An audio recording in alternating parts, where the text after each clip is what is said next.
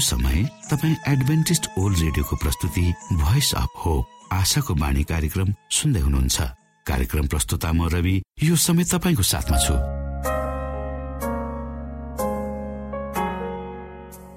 तपाईँकै आफ्नै प्रिय कार्यक्रम आशाको बाणीमा यहाँलाई हामी न्यानो स्वागत गर्दछौ। आउनु श्रोता यो मधुर भजनसँगै हामी हाम्रो मुख्य कार्यक्रम तर्फ लागौं। कस्तो अचम्मको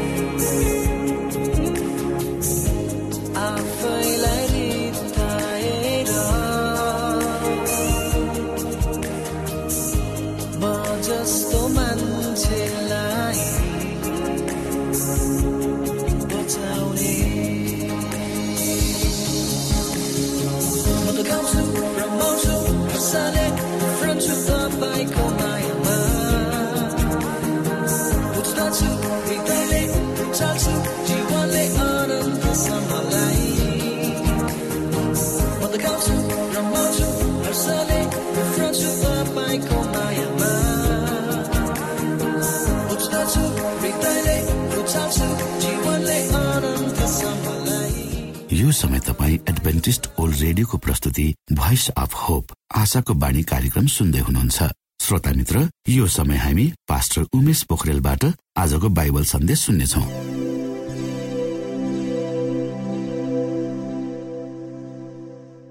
श्रोता साथी न्यानो क्रिस्टी अभिवादनका साथ म तपाईँको आफ्नै आफन्त अर्थात् पास्टर उमेश पोखरेल परमेश्वरको वचन लिएर तपाईँहरूको बीचमा उपस्थित भएको छु। आउनुहोस् तपाईँ हामी केही समय परमेश्वरको उपस्थितिमा आफ्नो समय बिताउँ।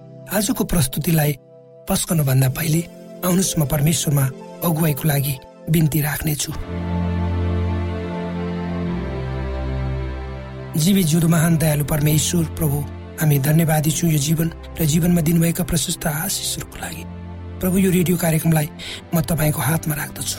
यसलाई तपाईँको राज्य महिमाको प्रचारको खातिर प्रयोग गर्नुहोस् ताकि धेरै मान्छेहरूले तपाईँको ज्योतिलाई देख्न सक्नुहोस् र चिन्न सक्नुहोस् र तपाईँको राज्यमा प्रवेश गर्न सक्नुहोस्। त्यसबाट तपाईँको महिमा होस्। सबै बिन्ती प्रभु यीशुको नाममा।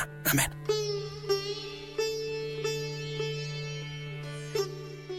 श्रोत साथी प्रभु येशुले तपाईँ हामी सबैलाई उहाँको प्रेममा बाँध्नको लागि बारम्बार आह्वान गरिरहनु भएको छ र हामीहरूलाई निमन्त्रणा गरिरहनु भएको छ। उहाँले हामीलाई बडो नम्रतापूर्वक बोलाइरहनु भएको छ। के तपाईँले प्रभु येशुको यो बोलावटलाई वा नम्र आवाजलाई कहिले सुन्नु भएको छ वा सुनिरहनु भएको छ? के तपाईँले प्रभु येशु क्रिस्टको प्रेमपूर्ण चरित्रमा प्रवेश गर्ने बोलावटलाई स्वीकार गर्नुभएको छ? वा स्वीकार गर्ने विचार गर्नुभएको छ? के तपाईँ र मैले त्यो नम्र आवाज सुनिरहेका छौँ त? यो प्रार्थना छ कि तपाईँ हामी सबैले उक्त नम्र आवाजलाई सुनि उहाँको प्रेमयुक्त ढोकाभित्र पस्न आफूलाई राजी तुल्याउँदैछौँ। प्रभुको ढोकाभित्र पस्ने गुणहरू मध्ये धैर्यता एउटा हो। कसरी तपाईँ हामीले प्रभु येशुको चरित्र धैर्यतालाई आत्मसात गर्न सक्छौँ त? पवित्र बाइबल धर्मशास्त्र अनुसार यी तीनवटा गुणहरू छन् जुन धैर्यतासँग घाँसिएका छन्। ती हुन् आनन्द शान्ति र विश्वास। जब तपाईँ हामीले आफ्नो जीवनमा शान्ति र आनन्द र विश्वासलाई खोज्दछौँ त्यो प्राप्त हुन्छ। तब हामी आफ्नो जीवनमा धैर्यता प्राप्त गर्ने बाटोतिर एक खुटकुरो अगाडि बढ्न सक्छौँ। त्यसको लागि हामीले परमेश्वरलाई चिनेका हुन्छौँ। धर्मशास्त्रको अनुसार आफ्नो जीवनलाई धर्मशास्त्रको अनुसार आफ्नो जीवनलाई सही बाटोतिर लग्ने सोचमा हामी हुन्छौँ। मलाई थाहा छ शान्ति आनन्द विश्वास र धैर्यता यी सबै कुराहरू सँगसँगै बढ्दै जान्छन् हाम्रो राम्रोको लागि। अर्थात् सबै कुराहरू सकारात्मक रूपमा जान्छन् बढ्छन्। हाम्रो काम पनि राम्ररी अगाडि बढ्छ भन्ने हामीमा धैर्यताको विकास हुन्छ। पवित्र बाइबल धर्मशास्त्रले यसरी भनेको छ कि हामीलाई छिट्टै कुनै कुरा प्राप्तिको लागि लालयित हुने तर जब धैर्यता र आफूलाई बसमा राख्न सक्ने अवस्थामा तपाईँ हामी हुन्छौँ पवित्र बाइबल धर्मशास्त्रले यसरी लेखिएको छ कि हामीलाई छिट्टै कुनै कुरा प्राप्त गर्नको लागि लालयत हुने तर जब धैर्यता र आफूलाई बसमा राख्ने सक्ने अवस्थामा तपाईँ हामी हुन्छौँ। तब हाम्रो जीवनबाट झट्टै रिसाउने र झट्टै प्राप्त गर्ने कुराहरू मरेर जान्छन्। हामी प्राकृतिक तवरबाट आत्मिक यात्रामा अगाडि बढ्न सक्छौँ। अर्को कुरा धैर्यतालाई अनुभव र अनुभवको आधारमा प्राप्त गर्न सकिन्छ। र अनुभवले मानिसलाई धैर्य बनाउँछ श्रोता। भविष्यवाणीका पुस्तकहरूले भन्छन् कि यदि तपाईँ हामी धैर्यता आर्जन गर्न चाहन्छौँ त्यसको लागि अभ्यास गर्नु आवश्यक छ। एउटा किसानको उदाहरणसँग यहाँ सान्दर्भिक हुन सक्छ जसरी एउटा किसानलाई आफूले रोपेको वा छरेको बाली कति समयमा उम्रिन्छ भन्ने कुरा उसको अनुभवले उसलाई बताउँछ।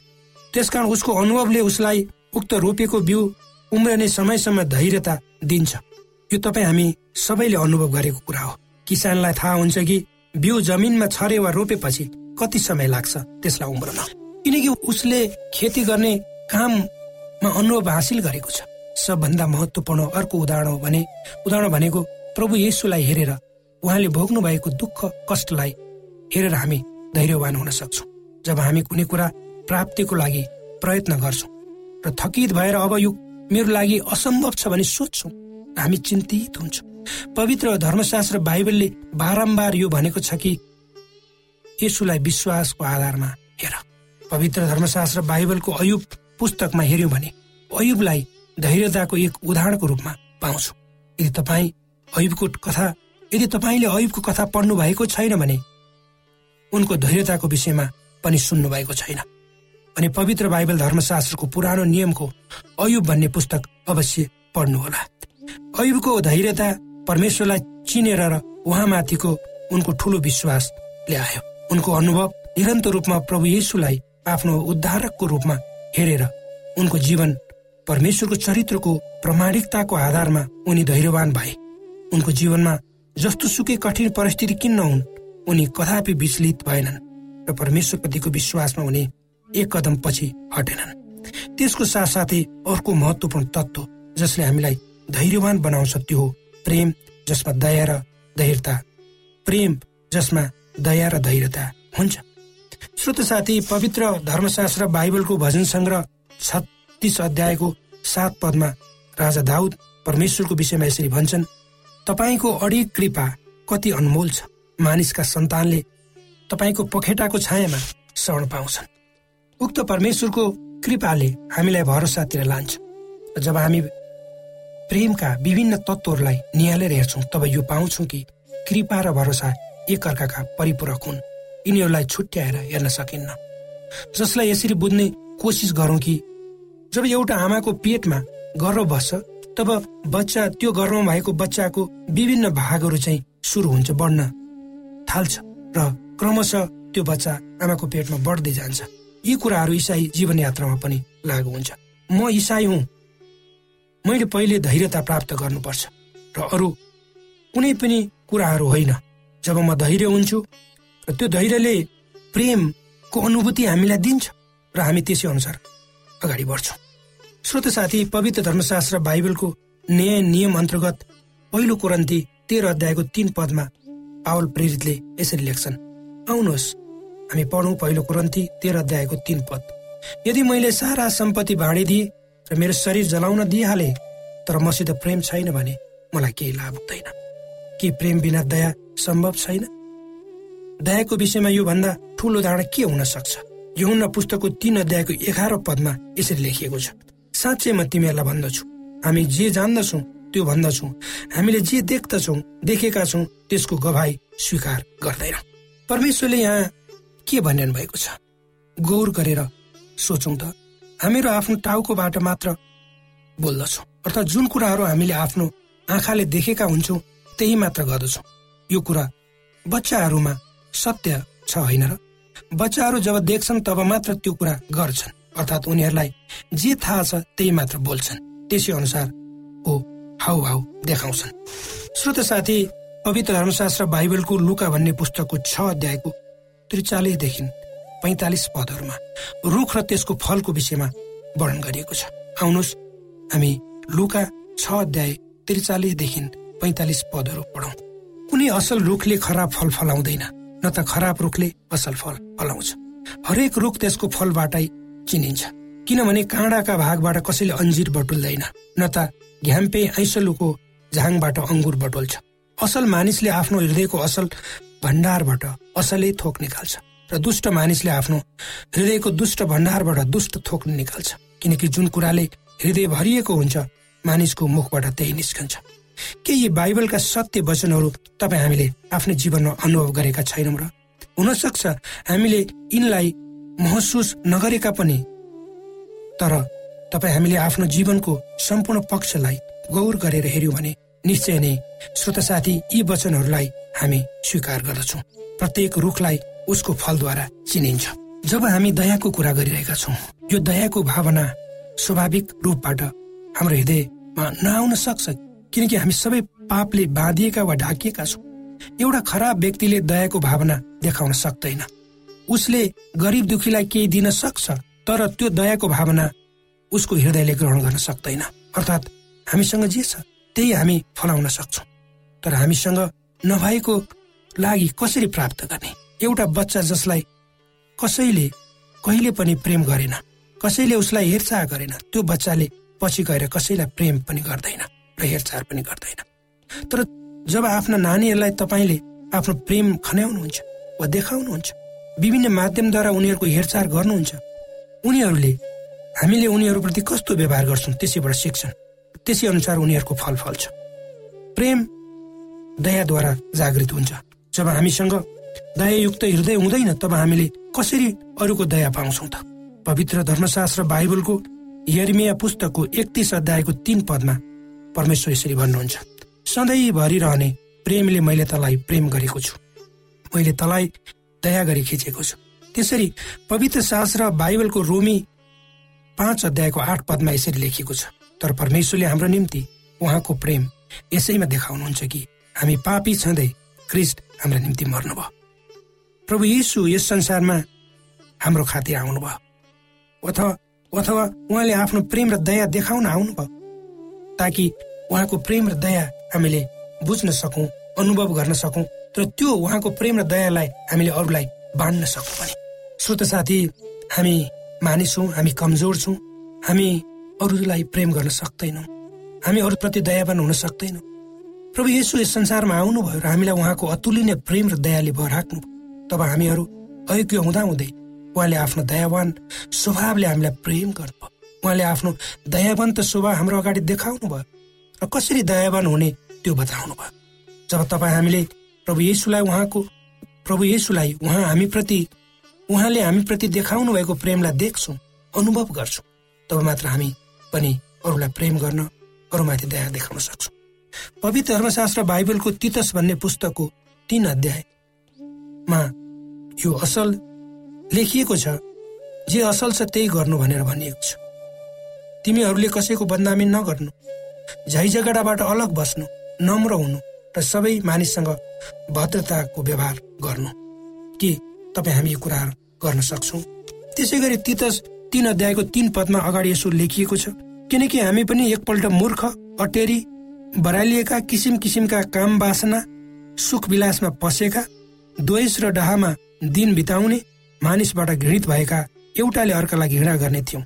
जब परमेश्वरको प्रेम वा दया हाम्रो दिमागमा आउँछ जब हामीले आफ्नो मूर्खता अज्ञानकारिता विभिन्न किसिमका नराम्रा स्वभावहरूलाई स्वीकार्छौँ र तिनीहरू हाम्रो थिएनन् भने हामी बुझ्छौँ। जस जसले यो महसुस गर्छन् तिनीहरू परमेश्वरको प्रेम वा दयाको लागि ग्रहण योग्यका हुन्छन्। पवित्र बाइबल धर्मशास्त्रको भजन सङ्ग्रह एक सय त्रिचालिस अध्यायको सात पदमा राजा दाउदले आफ्नो भजनमा यसरी पुकार्छन्।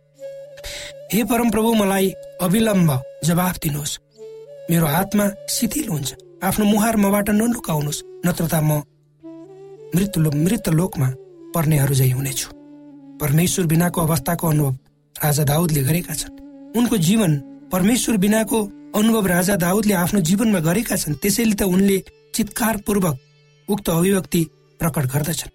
यदि तपाईँले मलाई मद्दत गर्नु भएन भने परमेश्वर म मर्नेछु। अर्थात् उनी भन्छन् प्रभु मलाई तपाईँ मद्दत गर्नु भएन भने मेरो जीवन यही सकिन्छ यी वचनहरूले तपाईँलाई परमेश्वरतिर्फ बढ्न अगाडि यी वचनहरूले तपाईँलाई आशिष दिनुहोस्।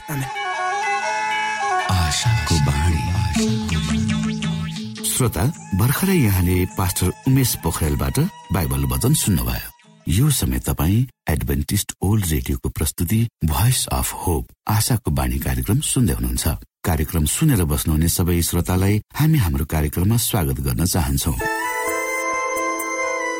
श्रोता मित्र यदि तपाईँ जीवनदेखि हरेस खानु भएको छ तपाईँका जीवनमा धेरै अनुत्तरित प्रश्नहरू छन् भने आउनुहोस् हामी तपाईँलाई परमेश्वरको ज्योतिमा डोहोर्याउन चाहन्छौँ। र तपाईँ आफ्नो जीवनका चिन्ता फिक्रीबाट निश्चिन्त हुनुहोस् र बाँच्नुको आनन्द परमेश्वरको सामिप्यमा कति मिठो हुन्छ त्यो चाख्नुहोस् भनी हामी चाहन्छौँ। श्रोता यदि तपाईँ आशाको बाणी कार्यक्रमलाई अनलाइन सुन्न चाहनुहुन्छ वा डाउनलोड गर्न चाहनुहुन्छ भने ओआरजीमा जानुहोस्। त्यहाँ तपाईँले प्रत्येक दिनको कार्यक्रम सुन्न र डाउनलोड गर्न सक्नुहुनेछ। हाम्रो वेब पेज यस प्रकार छ W dot AWR dot ORG श्रोता यदि तपाईँ हामीसित सिधै फोनमा सम्पर्क गर्न चाहनुहुन्छ भने हाम्रा नम्बरहरू यस प्रकार छन्। अन्ठानब्बे एकसाठी पचपन्न शून्य एक सय बिस. अन्ठानब्बे एकसाठी पचपन्न शून्य एक सय बिस. र अर्को अन्ठानब्बे अठार त्रिपन्न पन्चानब्बे पचपन्न. अन्ठानब्बे अठार त्रिपन्न पन्चानब्बे पचपन्न. यो आशाको बाणी रेडियो कार्यक्रम हो। म धनलाल राई यहाँहरूलाई यस कार्यक्रममा न्यानो स्वागत गर्दछु। आजको समसामयिक विषयको प्रस्तुतिका साथ मिना राई। श्रोता साथी उद्देश्य प्रेरित पुनर्जन्म देश देश आवरका आत्मा परिवर्तित कथाहरूमा आजको कथा श्रीमती सुन या पियुन खल्लो सावत दक्षिण कोरिया। श्रोता साथी दक्षिण कोरियामा आइतबार मान्ने चर्चहरू स्थापना गर्न मलाई परमेश्वरले धेरै सहयोग गर्नु भएको छ। सानो झुनलाई मैले प्रचार गर्थे तब त्यो सानो झुन बढेर चालिस जना भयो र चर्च बन्यो। अनि अन्तै नयाँ चर्च स्थापना गर्न परमेश्वरले मलाई अगुवाई गर्नुभयो। जब मैले प्रभुको निम्ति काम गरिरहेको थिएँ मेरो मनमा केही न केही कमी भएको मैले महसुस गरेको थिएँ। जब चर्चमा र पुनर्जागरण भेलामा प्रचार गर्थे मलाई आनन्द त लाग्थ्यो तर भित्री हृदयमा आफैमा खोक्रो भएको महसुस मैले गरेको थिएँ। मेरो श्रीमतीले जस्तो थियोलोजी वा धर्म दर्शन पढेर पूर्व रूपमा पास्टरको काम गरे त्यही पनि मेरो मनभित्र खाली भएको महसुस मैले गर्दै रहे। तब एक दिन पुस्तक सामग्री बेच्ने सेभेन डे एडभेन्टिस्ट नारी मेरो घरमा देखा परिन्। उनले हामीलाई केही पढ्ने सामग्रीहरू दिइन् मैले र मेरो श्रीमानले ती सामग्रीहरू पढ्यौं। मेरो श्रीमान एडभेन्टिस्ट चर्चमा जान थाल्नुभयो।